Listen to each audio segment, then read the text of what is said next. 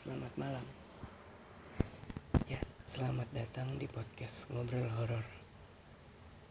Kenalin, nama gue Taufik. Ya, gue ceritain dulu kenapa gue bisa bikin podcast ini. Uh, gue bikin podcast ini sengaja untuk biar bisa mendengarkan cerita-cerita horor karena gue tertarik banget sama yang namanya cerita-cerita horor cerita hantu. Ya pokoknya gitu-gitu deh. Ya walaupun gue sendiri agak penakut tapi kalau udah ngomongin hantu nah gue sangat tertarik banget nih. Nah maka dari itu mungkin teman-teman yang mendengarkan ada yang bisa sharing pengalaman horor apa sih yang pernah kalian alami? Kalian bisa sharing ke podcast ngobrol horor. Itu bisa lewat email. Emailnya itu podcast ngobrol horor at gmail.com nah kalian juga bisa uh, sharing lewat Instagram lewat DM ke Instagramnya itu podcast ngobrol horor juga nah uh, ini episode pertama gue kalau misalnya ada yang kurang ya mohon dimaklumi. Karena ya nggak gampang untuk bikin podcast ini. Oke kita lanjut aja ke cerita pertama nih. Udah ada yang ngirim. Uh, kenalkan nama aku Vidi. Selamat malam ngobrol horor saya ingin berbagi pengalaman yang menurutku horor. Semoga teman-teman juga beranggapan demikian. Kejadiannya aku agak lupa. Yang pasti waktu aku SD. Zaman waktu SD dulu suka banget yang namanya main sepeda. Biasa main sepeda keliling komplek rumah. Nah, seperti biasa, kalau malam minggu, anak-anak sekolah sepertiku pasti keluar karena besoknya hari minggu dan libur, jadi diperbolehkan main malam. Kejadiannya kalau nggak salah waktu itu jam 7 malam. Aku berdua sama temanku waktu itu sedang sepedaan sambil ngobrol-ngobrol.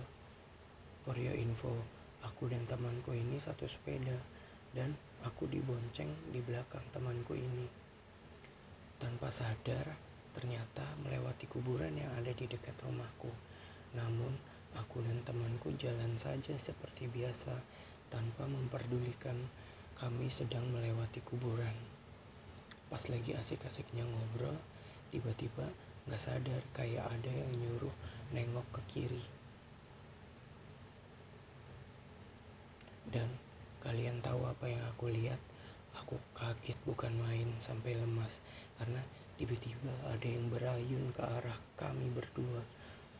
Us, sosoknya nggak jelas, tapi yang pasti sosok itu besar, memakai kain putih dan berayun seperti mau menclok di badanku. Menclok itu kalau dalam bahasa Jawa seperti menghinggap di badanku. Ya, seperti itulah. Sontak, aku pun langsung tepuk pundak temanku supaya dia lebih cepat mengayuh sepedanya. Kata temanku, ada apa sih? Kok kamu minta buru-buru banget? Tapi aku hanya diam saat itu. Sampai akhirnya kami menjauh dari area kuburan itu dan baru aku ceritakan apa yang terjadi waktu kami melewati kuburan itu kepada temanku. Terima kasih sudah mendengarkan pengalamanku. Mohon maaf kalau kurang seram atau ada yang kurang dan berantakan. Oke, terima kasih Vidi atas ceritanya yang lumayan horor. Uh, mungkin lain kali jangan main sepeda malam-malam lagi. Oke kita lanjut ke cerita kedua ya. Uh, ini dikirimin dari temanku sih.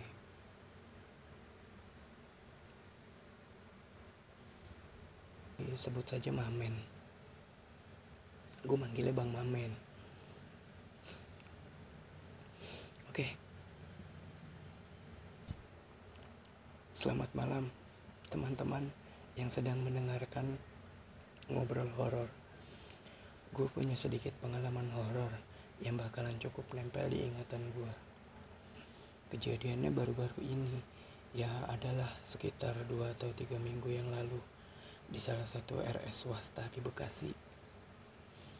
Akhir-akhir ini memang gue sering bolak-balik ke rumah sakit karena mengantarkan orang tua gue yang sedang sakit.